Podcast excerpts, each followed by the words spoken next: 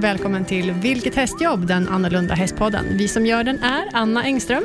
Och Malin Hellstedt. Hello. Hej. Jag tycker vi kör igång med sociala medier. Ja, gör det du. Ehm, jag har glömt bort dem. Vi finns ju på Facebook, Vilket hästjobb, och vi finns på Instagram, Instagram Vilket hastjobb. DM oss gärna där. och eh, vi har en mail. Vi har en mejl, vilket hastjobb gmail.com. Där får ni gärna skicka in lite, ni, om ni har några Alltså jättegärna tips, frågor frågor, tips på gäster, tips. Ja, om ni har något. Så um, är ni mycket tips på välkomna. ämnen. Vi kan ta med en gång här, för vi får ju mycket frågor om galoppodd. Eh, väldigt mycket. Ja, och, Och vi, vi har jobbar- försökt. Alltså, ja, vi jobbar på vi det. har verkligen, det har, vi har bokat flera gånger, Vi jobbar på men galoppen. det har eh, hoppats av och ställts in och sådär. Ja, av Så att- olika anledningar. Men Ja. eh, vi jobbar verkligen stenhårt på att eh, få till med galoppen. Vi kommer att få till en Ja. galoppodd. Vi har eh, kontakt med Bro Park och Mm. med eh, kända jockeys. Mm. Men det har inte blivit tillfälle än, av olika skäl. Nej, så Men så då vet ni det. Eh, och prenumerera på podden, så får ni en pushnotis i telefonen varje Yes. torsdag. Veckan som gått. Veckan som gått, ja. Ja. Otroligt intresserad Ja, av du är så nyfiken nu, så vi kan lika gärna strunta i din vecka. Ja. Ja. Ja. Den är inte så viktig. Nej, jag förstår. Ja. Nej, alltså, som vi pratade om i förra avsnittet, då, Ja. eh, så var jag ju tvungen att styra kosan mot södra Frankrike, Ja. eh, mot Lorenzo, Mm. the flying Frenchman, Ja. hans gård i Camargue. Eh, och det är ju lite speciellt så här i coronatider. Det var, jag var ju tvungen att tänka både en och två gånger, men jag hade väldigt kort tid på mig att bestämma mig. För att eh, Isabelle Larsson, hej, Hej. som är här idag igen. Välkommen, Välkommen! tillbaka. Tack så mycket. Hade, vi bor ju nästan grannar. Okej. Ja, och delar den här uh, oerhörda uh, beundran för Lorenzo. Så att vi har ju liksom pratat med varandra på sociala medier. Det här är så himla lustigt. Vi Ja. har ju bara liksom kommunicerat på Facebook. Vi bor verkligen ett stenkast ifrån varandra och har jättemycket gemensamma hästbekanta. Vi har ju till och med haft hästarna på dina föräldrars gård. Men ni har aldrig träffats? Liksom. Nej. Jo, vi har träffats på Friends. Ja, okej. Väldigt hastigt. Men ja. ändå kunde man ju tänka Men sig inte att det liksom mera. så. Nej. Ehm, så att, ehm, men vi har kommunicerat på Facebook och så här Ja. om det här, om Lorenzo. Och sen började hon göra hans hemsida och jag blev alldeles starstruck och tyckte att hon var ascool. Och sen Ja. skickade hon det här eventet till mig, inbjudan Mm. till det här eventet. Och då var det så här, men shit, det är om tre veckor, eller två och en halv vecka, eller vad sjuttsingen det nu var. Mm. Hur ska jag rodda med det här? Och jag vill inte sätta mig i ett flygplan, och corona, och flygplatser, och Ja, usch och fy och nej. Eh, och min sambo, Daniel, eh, som har blivit jättehästintresserad sen han blev ihop med mig och tvingades Oerhört, flytta alltså. ut på hästgård. Ja, han är jätteduktig. Alltså jätteduktig med hästarna. Ja. och rider och tycker att det är jättekul. Han var ju på Friends i vintras och blev ju också så otroligt fascinerad av Lorenzo. Mm. Så han eh, tjatade på mig. Det Faktiskt. alltså, han det bara, nej men det här roligt." kan vi ju inte, det här kan, måste vi åka på, vi måste åka dit. eh, så det var jätteskönt att ha den uppbackningen hemifrån. Ja. Så att, eh, och jag sa direkt att jag, bara, jag sätter mig inte i ett flygplan och det hade han full förståelse för. Så att vi bestämde oss för att vi tar bilen. I Så att, eh, det är bara 250 mil. Men så det värt det. Ja. Ja. Så att vi packade bilen full med munskydd, handsprit och gummihandskar. Ja. Mm. Och Sen fick vi kolla upp alla resvägar, för att eh, det var oerhört oklart om vi skulle få passera Danmark. Man är tvungen att gå in på varje lands egen, Just det. eh, egen hemsida. Eller, ja, så. Norge till exempel får vi inte åka till. Jag har håller ju på att köpa en miniatyrhingst från Norge och Mm. jag får inte åka dit. Jag har inte fått se den, eh, utan jag har liksom fått se den på film bara. Och Jag får inte åka och hämta den, utan jag måste, den måste transporteras hit med transportföretag. Och, så Danmark var oerhört oklart. Tyskland lyckades vi ta reda på att det var inga problem och Frankrike var inga problem heller. Men, men när ni bilade ner till Danmark så hade du fortfarande ingen aning om, om jo, jo, vi åkte komma- inte till Danmark. Vi Nej. tog färjan. Okej. från Trelleborg till Travemünde. Eh, och vi hade också ganska bråttom ner, eh, för att Daniel jobbade. Så att eventet var på onsdagen, och, eh, på fredagen den Sjunde. 7 Ja, okej. augusti. 7 augusti. Och eh, vi åkte på onsdagen den 5 augusti, klockan sex på morgonen åkte vi hemifrån och körde, sträckkörde. Så att vi sov eh, på färjan och sen sov vi liksom stundtals i bilen. Så att vi var nere torsdag kväll. För vi ville inte komma ner på fredagen, för då skulle vi vara helt slut på det här eventet. Utan vi, vi ville verkligen komma fram dagen Ja. innan, så vi skulle vara liksom tipptopp. Mm. Och, och man måste ha en massa miljömärken på bilen också. Miljödekaler, ja, för att få bila i eh, utlandet. Jaha, Ja, för det är miljözoner överallt. Ja, det är ju redan även i Stockholm, men i Stockholm behöver du inte ha några dekaler vad jag vet. Nej. Eh, Men både i Frankrike och Tyskland... Men vadå, att bilen är godkänd? Ja, så att du får köra i vissa, eh, i vissa zoner. Och De kostar pengar och man är tvungen att beställa dem. Och Tyskland, inga som helst problem. Tysk eh, effektivitet, det är bara att gå in på Dekra Okay. och eh, köpa den här dekalen och sätta fast den i rutan. Frankrike, nej, not so much. Utan då är man tvungen att skriva till franska förbundet och beställa Orkar den här dekalen tre veckor i förväg. Vi beställde det? den fyra dagar i förväg. Och hur gick det då? Ja, men man kunde då, lyckades vi ta reda på eh, till slut, så kunde man skriva ut liksom kvittot. Okej, Ja, och ha. du hade kvittot i rutan. Ja, vi hade kvittot i rutan. Ja. Men innan vi fick reda, alltså det var Ja, helt precis. omöjligt att få reda Vilken på. research Eh, ja, för gjort. fransmännen skriver bara på franska och de är inte jättebra på engelska. Nej, det vet De är jag. väldigt trevliga och det är ett fantastiskt Mm, trevligt land, absolut. men de är inte förtjusta i engelska. Nej. Helt klart. Eh, så det var lite rodd och lite meck och så. Men iväg kom ni i alla fall? Iväg kom vi. Och det intressanta var att så fort man hade passerat, äh, så fort man klev på båten egentligen i Trelleborg, så började munskydden. Okej. Ja.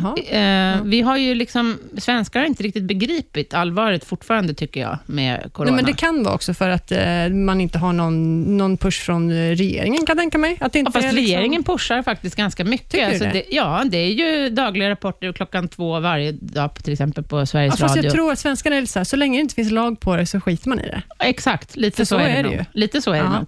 Men regeringen har ändå liksom Okej, rekommen- äh, gått ut med Ja, rekommendationer ja. hela tiden, håller ifrån varandra, ja, det ena med det andra. Ja. Men hur som helst, i Tyskland där var det munskydd på, överallt.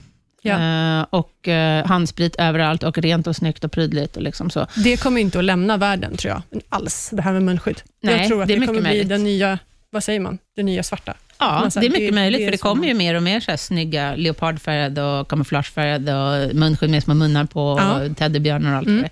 det. Eh, Frågan är hur bra de är och är effektiva. Eh, men, ja, Bättre hur som helst. kanske. Hur som helst, vi ehm, bunkrade i alla fall. Mm. Och, eh, det tog ett tag innan man liksom kom ihåg det där. Det tog åtskilliga vändor tillbaka till bilen för, För att hämta tänk också. Det är ju liksom ett tänk Ja, men så är det. Att, Så fort man kom fram till en dörr på en bensinmack eller en restaurang eller någonting, Så då, var det då var det en stor skylt, ja, obligatoriskt med munskydd för att komma in. okej. Ja, så då, det tog ju några turer tillbaka till bilen. Och sen varje gång man satte sig i bilen igen, då var det liksom sprita händerna. Ja. Ehm, och det har, jag tycker det har varit väldigt intressant att resa i en pandemi, faktiskt. Just för att man liksom blir medveten på ett annat sätt. Och eh, när vi kom till vårt...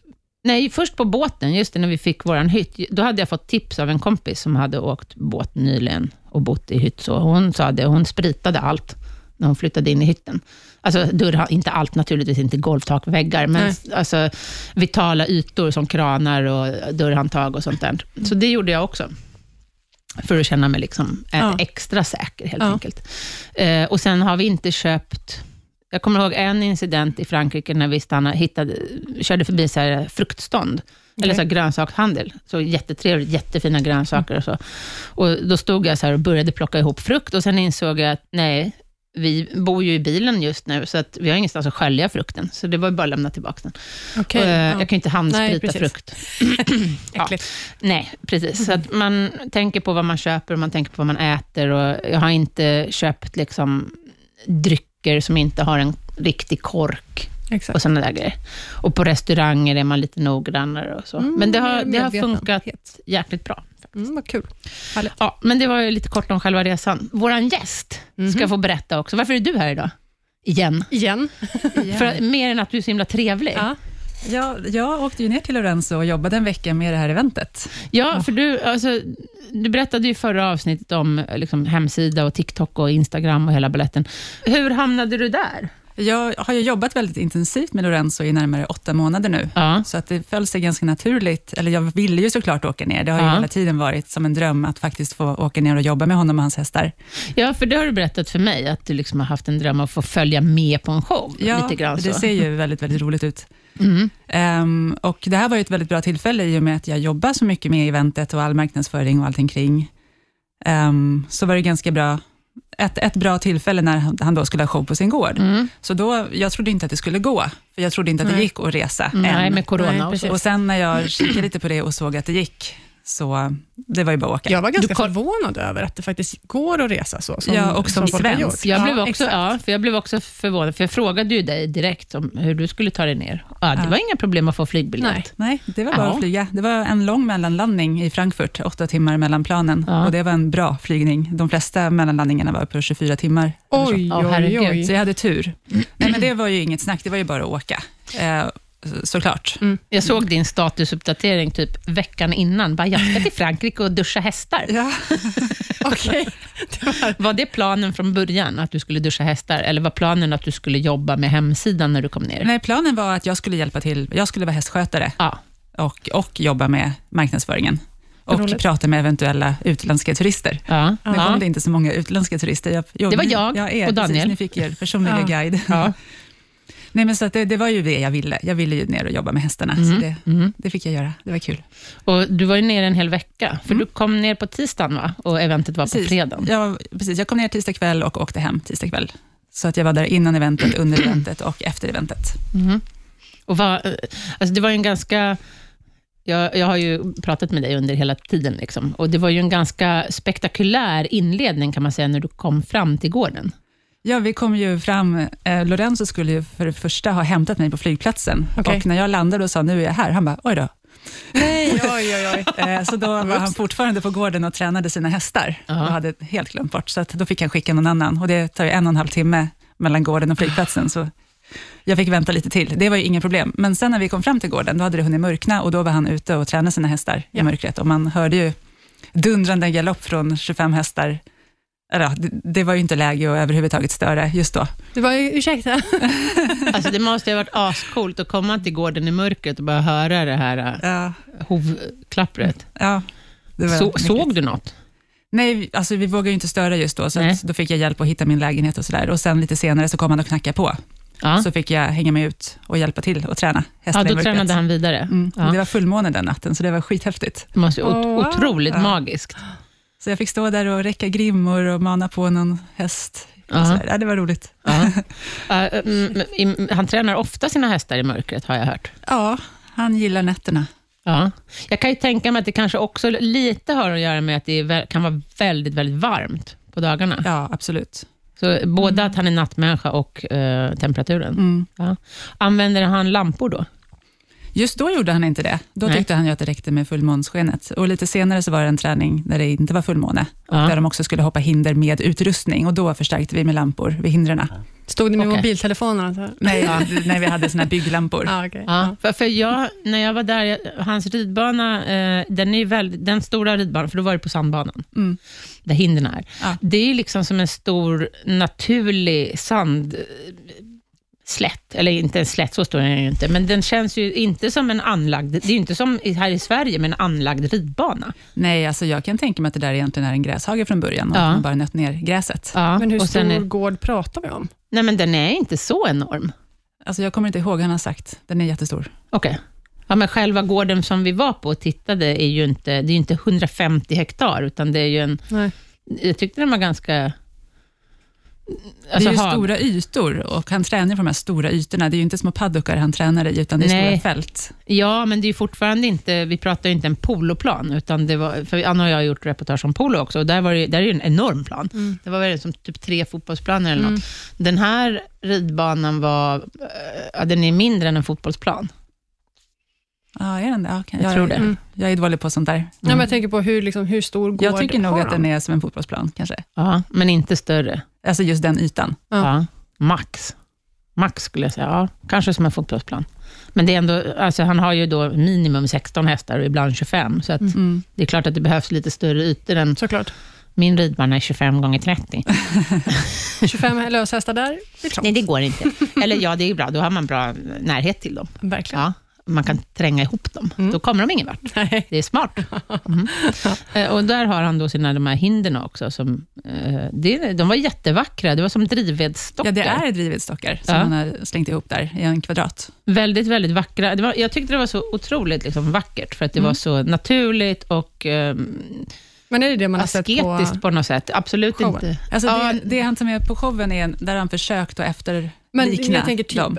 Ja, alltså, precis den här kvadraten. Mm. Okej. Men den är ju fejkad. De här stockarna är ju riktiga Ja, ja, stockar ja, som ja. har flutit i land, typ. Mm. Och de är enorma. Det ser ut som någon slags så här, nästan dinosaurieträd av något slag, som har legat där i all oändlighet. Eh, och sen hade ni gjort det fint, tycker jag, just att man satt på halmbalar. Ja. Så det vart väldigt, mm, ja, en väldigt liksom spartansk känsla över det hela. Det var inte alls flådigt. Nej. Det tyckte jag var skönt.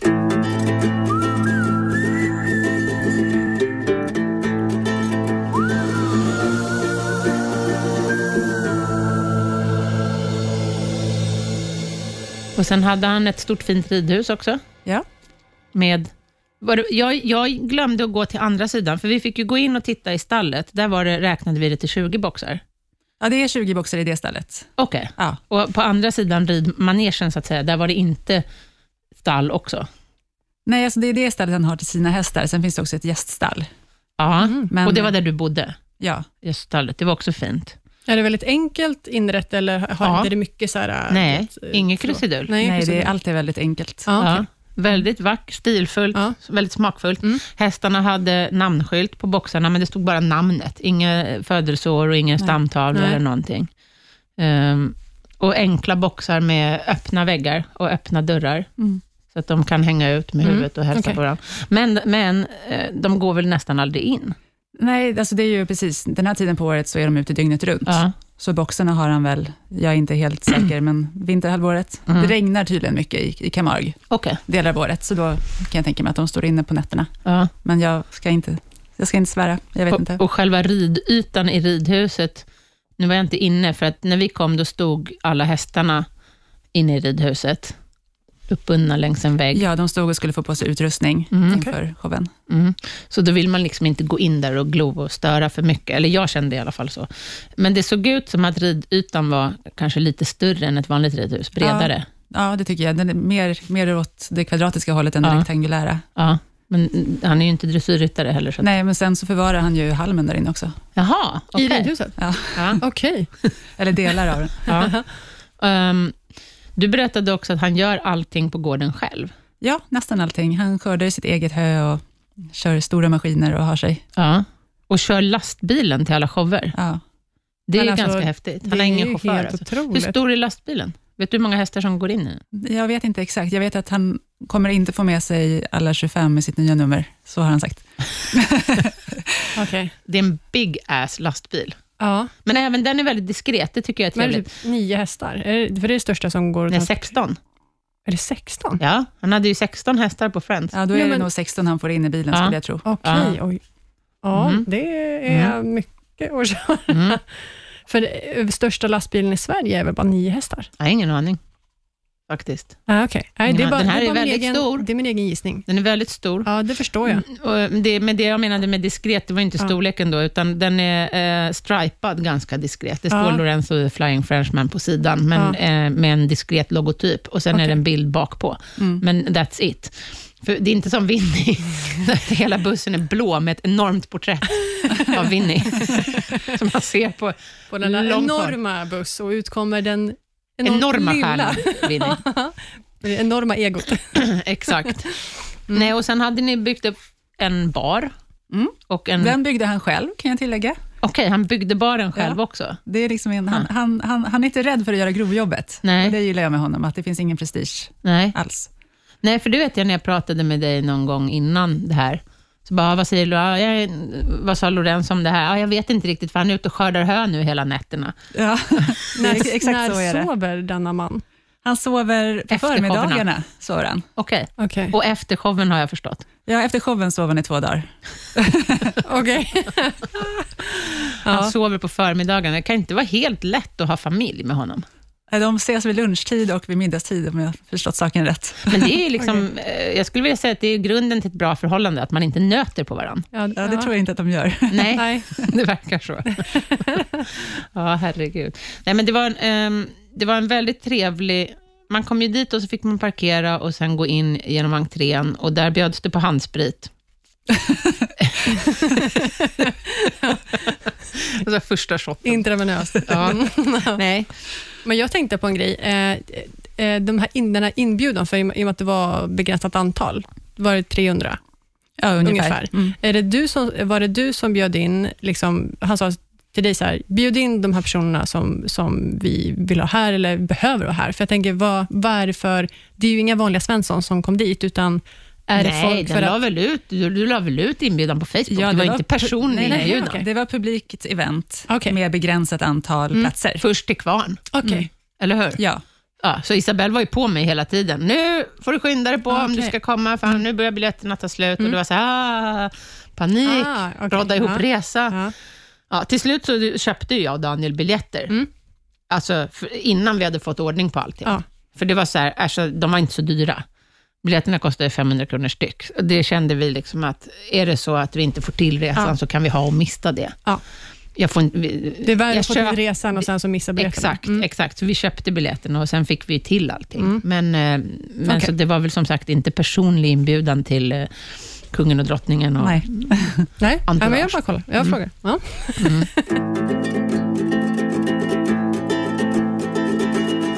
Men eh, hur gick förberedelserna till? Torsdag, fredag? Ni tränade Eh, det var hästar ju varje dag? framförallt att städa gården, Ja. röja upp och, och förbereda ytor för, för restaurang med bord och stolar och, och städa stallen, halma upp boxar, lägga ut alla halmbalarna som vi satt på, ställa Ja. ut stolar, avspärrningar, skyltar, My, mycket städ, mycket röja. Var det Eh, jätteskräpigt när du kom dit? Han hade ju hållit på en vecka innan jag kom med att Ja. röja upp. Han, han har ju inte haft folk på gården alls förut och han är Nej. ju perfektionist, så allt skulle liksom vara Ja. Mm, tipptopp. Skura väggarna. Jag har högtryckstvättat väggarna.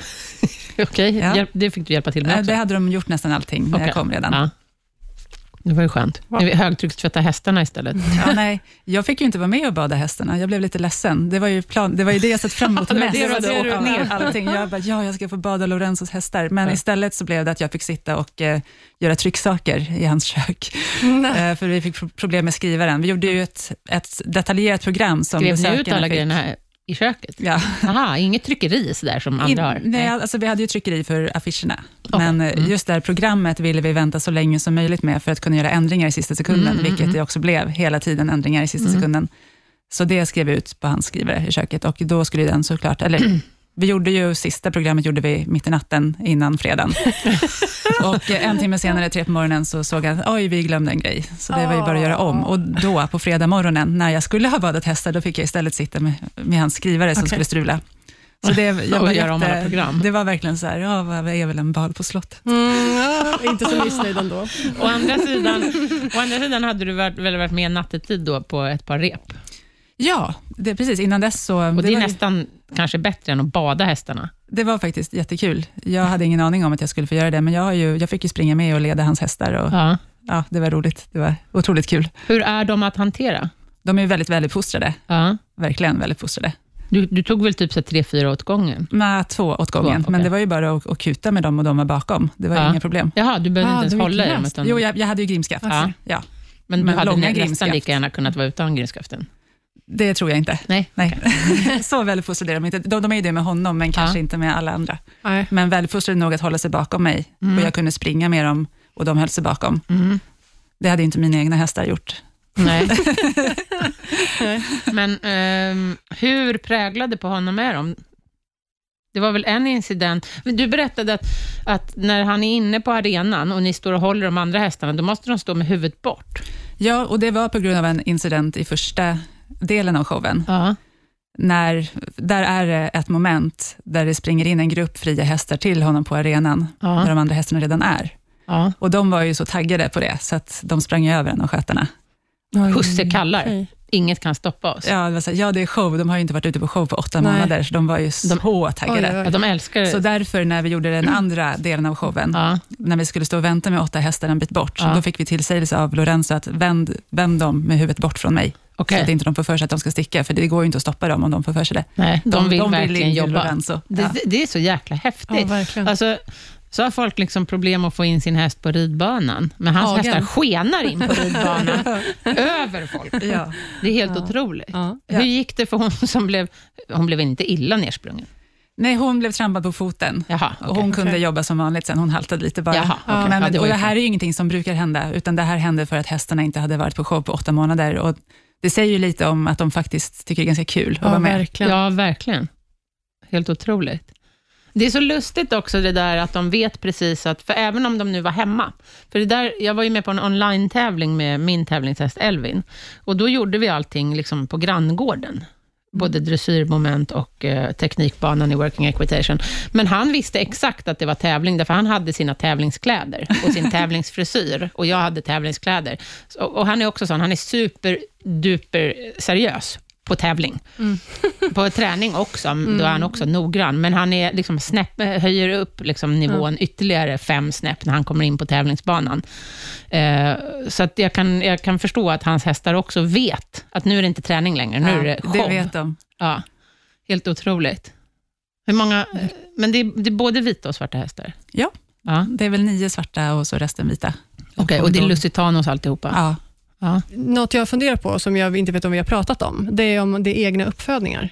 Några av hästarna är egna uppfödningar. Okej. Jag Och- tänker i och med att det är bara, så här, det är bara vitt och svart. Mm. Det var det mer så här, om han har egen uppfödning eller om han köper in dem så. De, de flesta tror jag att han har köpt. De svarta vet jag att han har köpt. Eh, och några av de vita ska vara egna uppfödningar, men jag är inte helt säker. Nej. Jag, jag vet att han har fött upp hästar. Jag, inte, jag vet inte hur många av dem som i så fall är med som showhästar. Okej. En annan, apropå det, en grej som var jäkligt intressant, det var när han skulle, eh, när han förberedde det här, eh, akt två kan man kalla det. Mm. Första akten, då var det ju action-numret. Kallas det för action-numret? Ja, d- hade action och liberty. Han blandade ju lite frihet och Jaha, action så där. action är det när han har tömmar? Ja, Aha, All right. okej. För, berätta lite hur det går till. Då står han på hästarna och så ska de liksom hoppa hinder i formationer. ja eh, det han gör där är ju att han har tre par hästar med tömmar och står på två av dem. Och så hoppar de ju kors och tvärs över tre hinder i bredd. Just Och så det. är det också två par fria hästar som hänger med bakom. Så det är sammanlagt Så det är väldigt tio hästar. spektakulärt. Är det, ja, Det blir det. jag har svårt att räkna. Ja, tre par selade hästar och två par fria. Och sen när han har gjort det ett tag, då, då kommer den här fria gruppen med hästar in. Ja, Och så får han ju också hjälp att sela av hästarna, så Just sen det. fortsätter han med frihetsnumret där. och då är de 16 stycken. Ja, mellan 12 och 16 brukar de Ja. vara, beroende på vart han är Det är så mycket hästar världen. man tappar liksom... Ja, jag har slutat räkna, det är ingen idé. Nej. Men det som, det, som är, det som jag tycker är så häftigt med actionnumret där, det är att man, man tror ju först att han har tränat in positioner. Mm. Det var jag helt övertygad trodde jag också. När jag satt på Friends och kollade när han började träna. Då var jag så här, ja men de har lärt sig att gå Ja. på sin position och där går de. Men sen byter de positioner helt plötsligt. Och sen byter de positioner igen och sen springer de åt höger och vänster och För- sen inser ja. man att nej, han har inte alls tränat in positioner. Precis den Nej. reflektionen gjorde jag också, speciellt Ja. efter första träningen i mörkret Ja. där, när de gick. Då hade han ju alla 25 hästarna och tränade på olika led, ett, två, Ja. tre, fyra rader. Så, och, och tilltalar hästarna med namn hela tiden, Mm. för han, han vänder sig ju till en häst i taget och korrigerar dem med deras namn. Så jag trodde ju precis så, att det är som en dagisfröken Mm, som ja. ger ungarna fasta platser. Mm. Ja, Men, men sen har jag ju sett att de byter, ju, de byter plats hela tiden. Ja, Och han vet otroligt. fortfarande vilken häst som vilken, Ja. även i mörkret. Det är Ja, det är- ganska, det är, det är imponerande. Ja, jättehäftigt. Eh, och sen hörde jag ju också, det hör man ju inte på Friends, för då är det väldigt hög volym eh, på musiken, men för jag har ju funderat på, hur får han dem att svänga? Alltså jag kan köpa att de svänger när han springer framför dem, men jag har jätte, har, kan inte begripa hur han får dem att svänga när han står på. Han men nu, säger höger, Ja. vänster. Ja, nu hörde jag ju det när man Ja. satt där, att han skriker höger-vänster åt dem. Eller skriker, han pratar inte ens speciellt högt, alltså han ropar ju till Nej. dem, men de är otroligt lyhörda. Och sen har han ju spön, olika typer av spön beroende på, han byter ju spön då och då. Mm. Eh, han har någon typ av spön när han har tömmar och sen har han kortare spön om han står på bara två hästar och sen har han längre spön med en lång, ett snöre på för att kunna nå längre om han har liksom 16 hästar i bredd. Jag tycker, det, för det är också en grej som jag tycker är så otroligt fascinerande. Jag kan köpa att man springer framför 77 hästar liksom, som springer på en rad bakom en. Men just det här när de springer i bredd, Ja.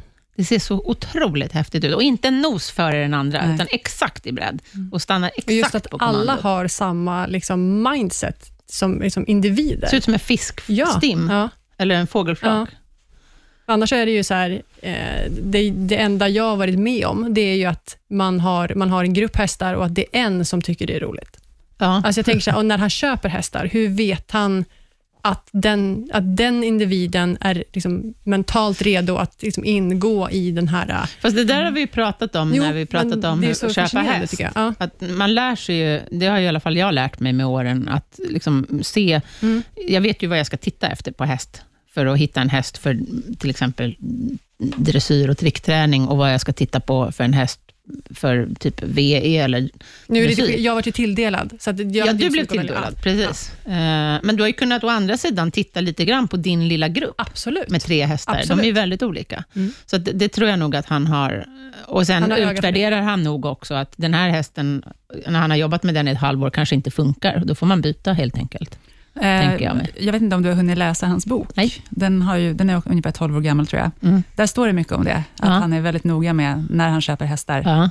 så är han väldigt noga med att välja häst. Men sen ger han inte upp på den hästen. Okej. Så det är väl först nyligen som han eventuellt har plockat ut någon häst som inte har funkat, men innan så har han aldrig gett upp på någon häst. Okej. Och, och också i hans första DVD, så är det, Aha. då får man följa arbetet med hans svåraste häst, Samarina. Ja. Okej, Och det, är- han får kämpa med den hästen. Ja. det men vi hon ju. hängde med ut på show till slut. Ja. Det är jäkligt häftigt att Mm. han behåller samma hästar hela tiden. Jag vet också att han behåller sina pensionärer. Ja, det Att det går så här 25-30-åriga hästar hemma på gården. Ja. Ja, det är jättehäftigt.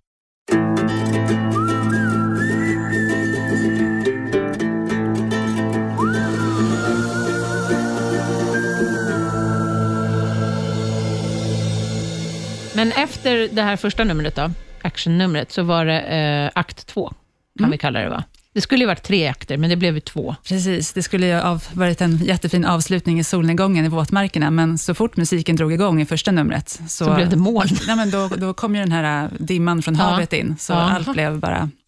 Det blev inte som planerat. Som publik kan jag säga att det var, det var väldigt effektfullt med den här dimman. Det var nästan som att ni hade planerat det. Jag skulle nog säga att eh, åtminstone det första numret, det sista numret blev ju inte så bra då, eftersom det inte blev av på grund av det. Men det första numret, det blev oerhört vackert med dimman, för det Ja. gjorde liksom att hela den här eh, vackra sandarenan liksom inneslöts i som ett moln, så att man kände sig som publik så kände jag mig som att vi satt i en hel... Det gjorde det hela ännu mer som att man var i en annan dimension. Det fanns liksom ingenting utanför dimman. Det var bara liksom Lorenzo och hans hästar och den här lilla utvalda skaran publik som satt där. Så att, ja, nu, nu ryser jag kan jag säga när jag berättar det här. Eh, och jag fotade ju en del och det blev oerhört vackra bilder, för att det finns ingenting i bakgrunden som stör. Ja. Hade det varit strålande solsken, då blir det för hårt ljus och det, man ser allting i bakgrunden och allting. Nu var det som, liksom, som en magisk slöja runt hela föreställningen, så jag tyckte det blev oerhört effektfullt.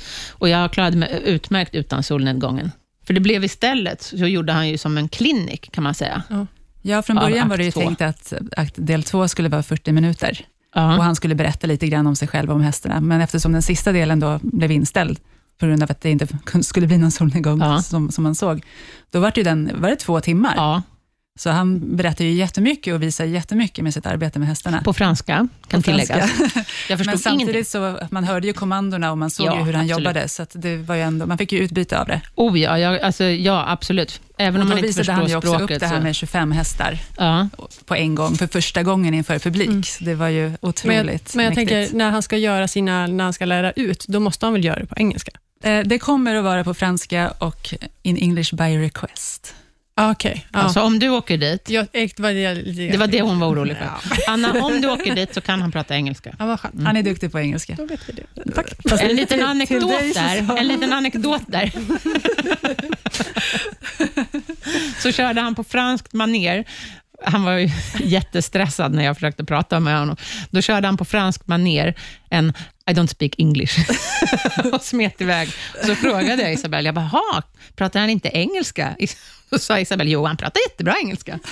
Då kände jag mig svårt dissad kan jag säga. Ja, okej. Mm. Ja. Jag. Han, han tycker själv inte att han är bra på engelska. Okej, okej. kanske var det då. Det kan Kanske var det. nerver eller något. Mm. Ja, nåja, hur som helst. Men den här ehm, kliniken blev ju väldigt eh, häftig just för att han visade hur han tränade ihop det här numret med 25 hästar. Mm.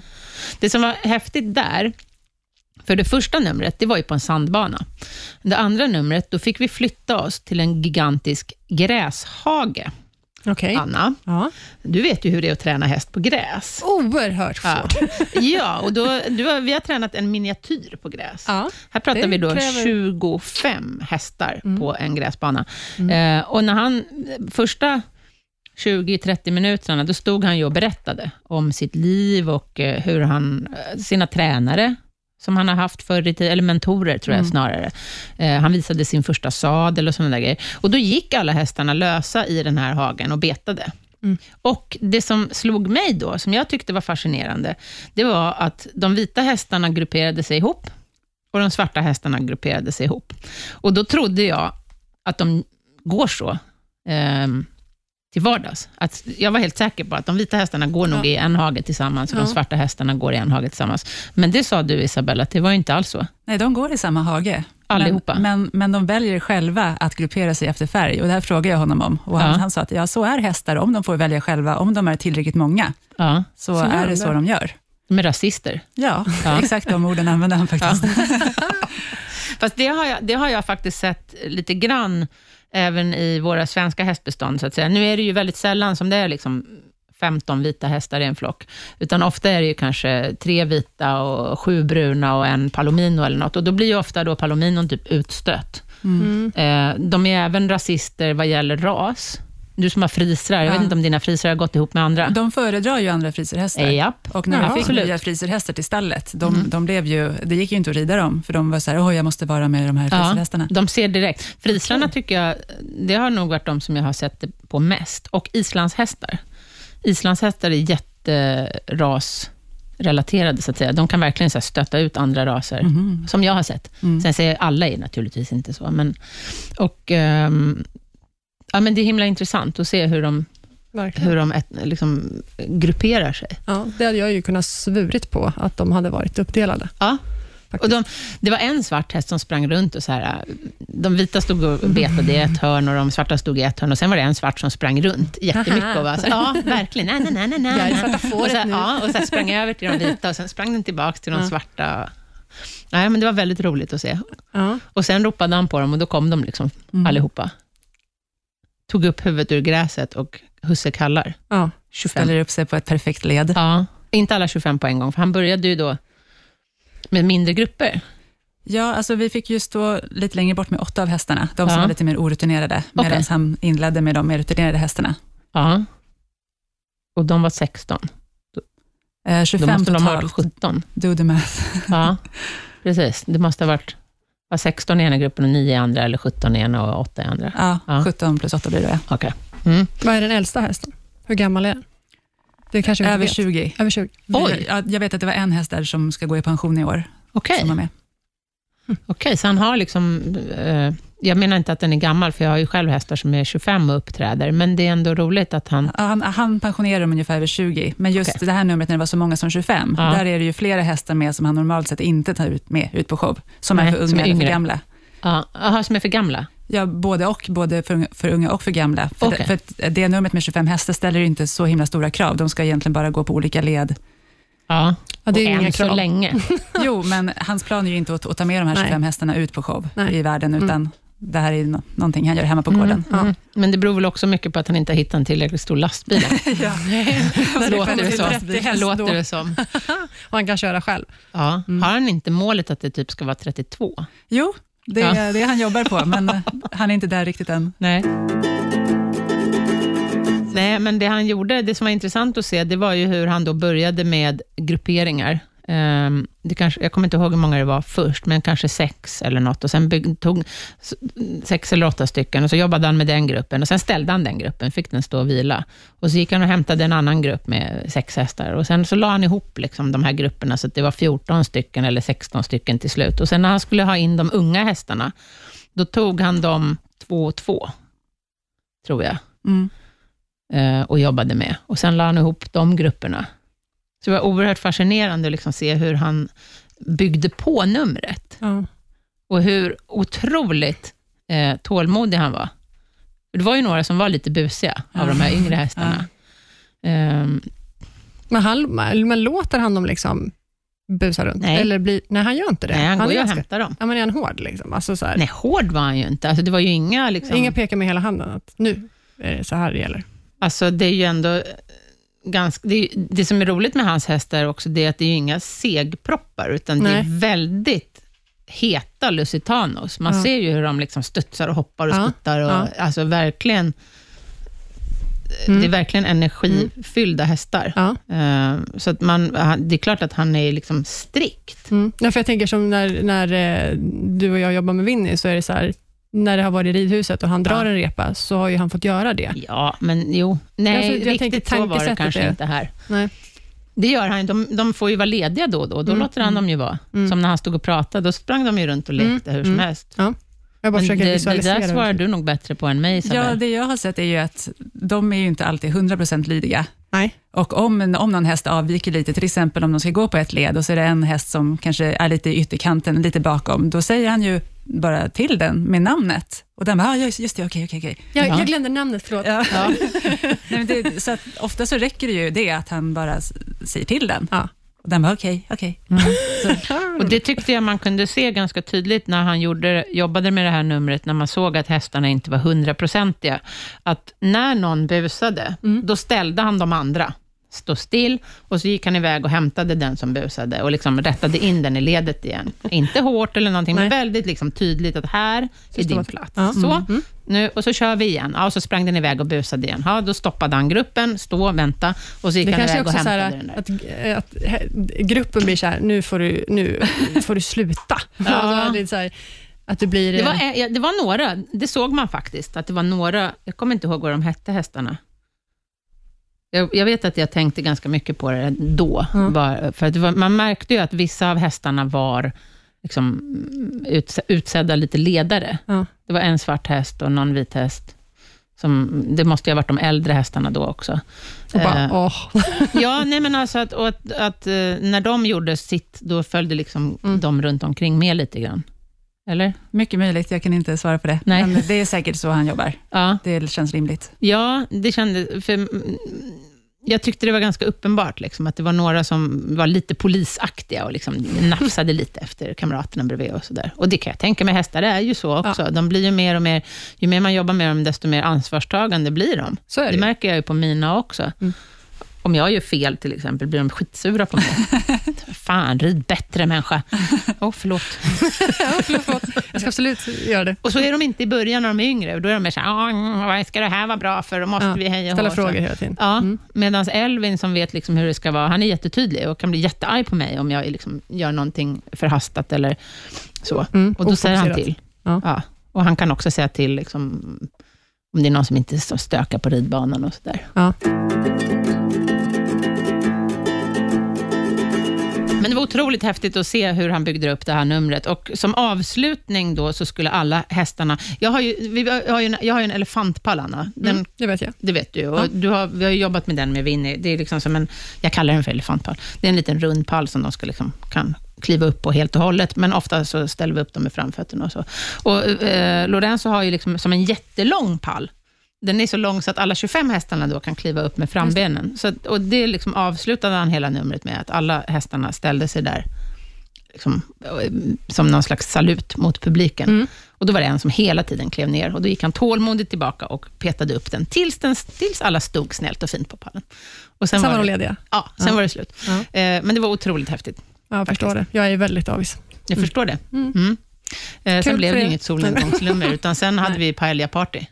Ah, ännu mer avis. det vill jag Ja. höra mer om sen. Ja, jag ska berätta mer om paella-partyt sen. Mm.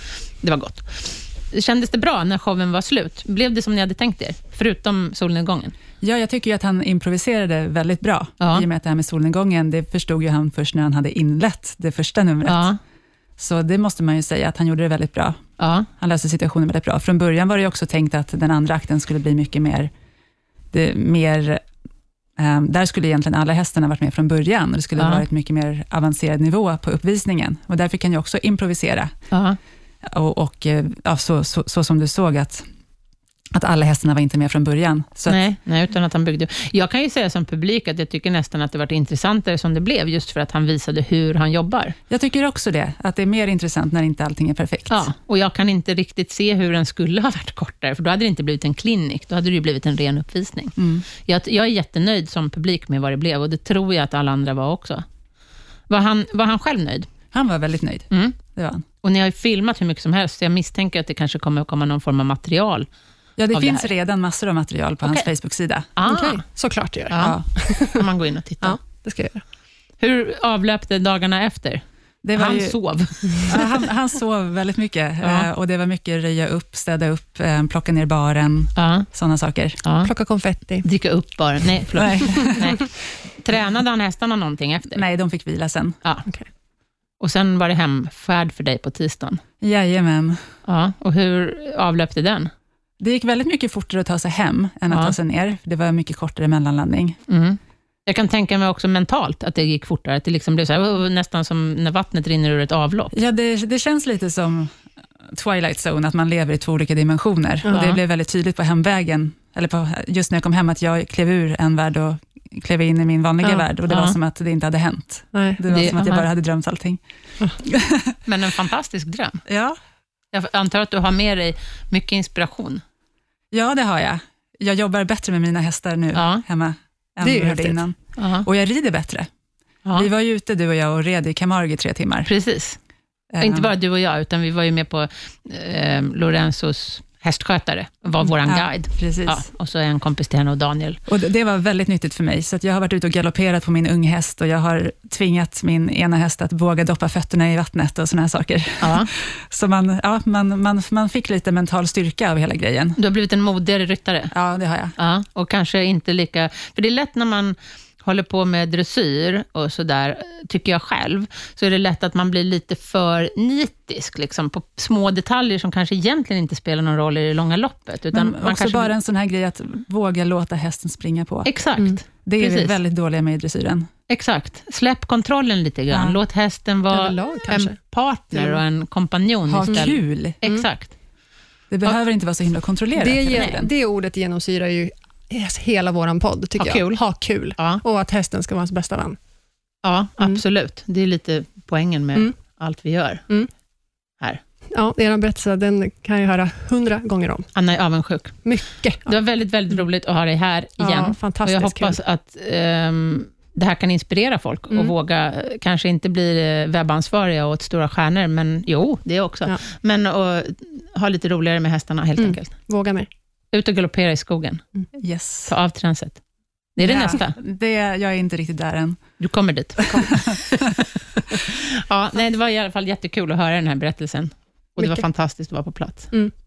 Förstår du? Tusen tack för att ni har lyssnat. Tack så mycket. Vi hörs nästa vecka. Det gör vi. Hej då! Hej då!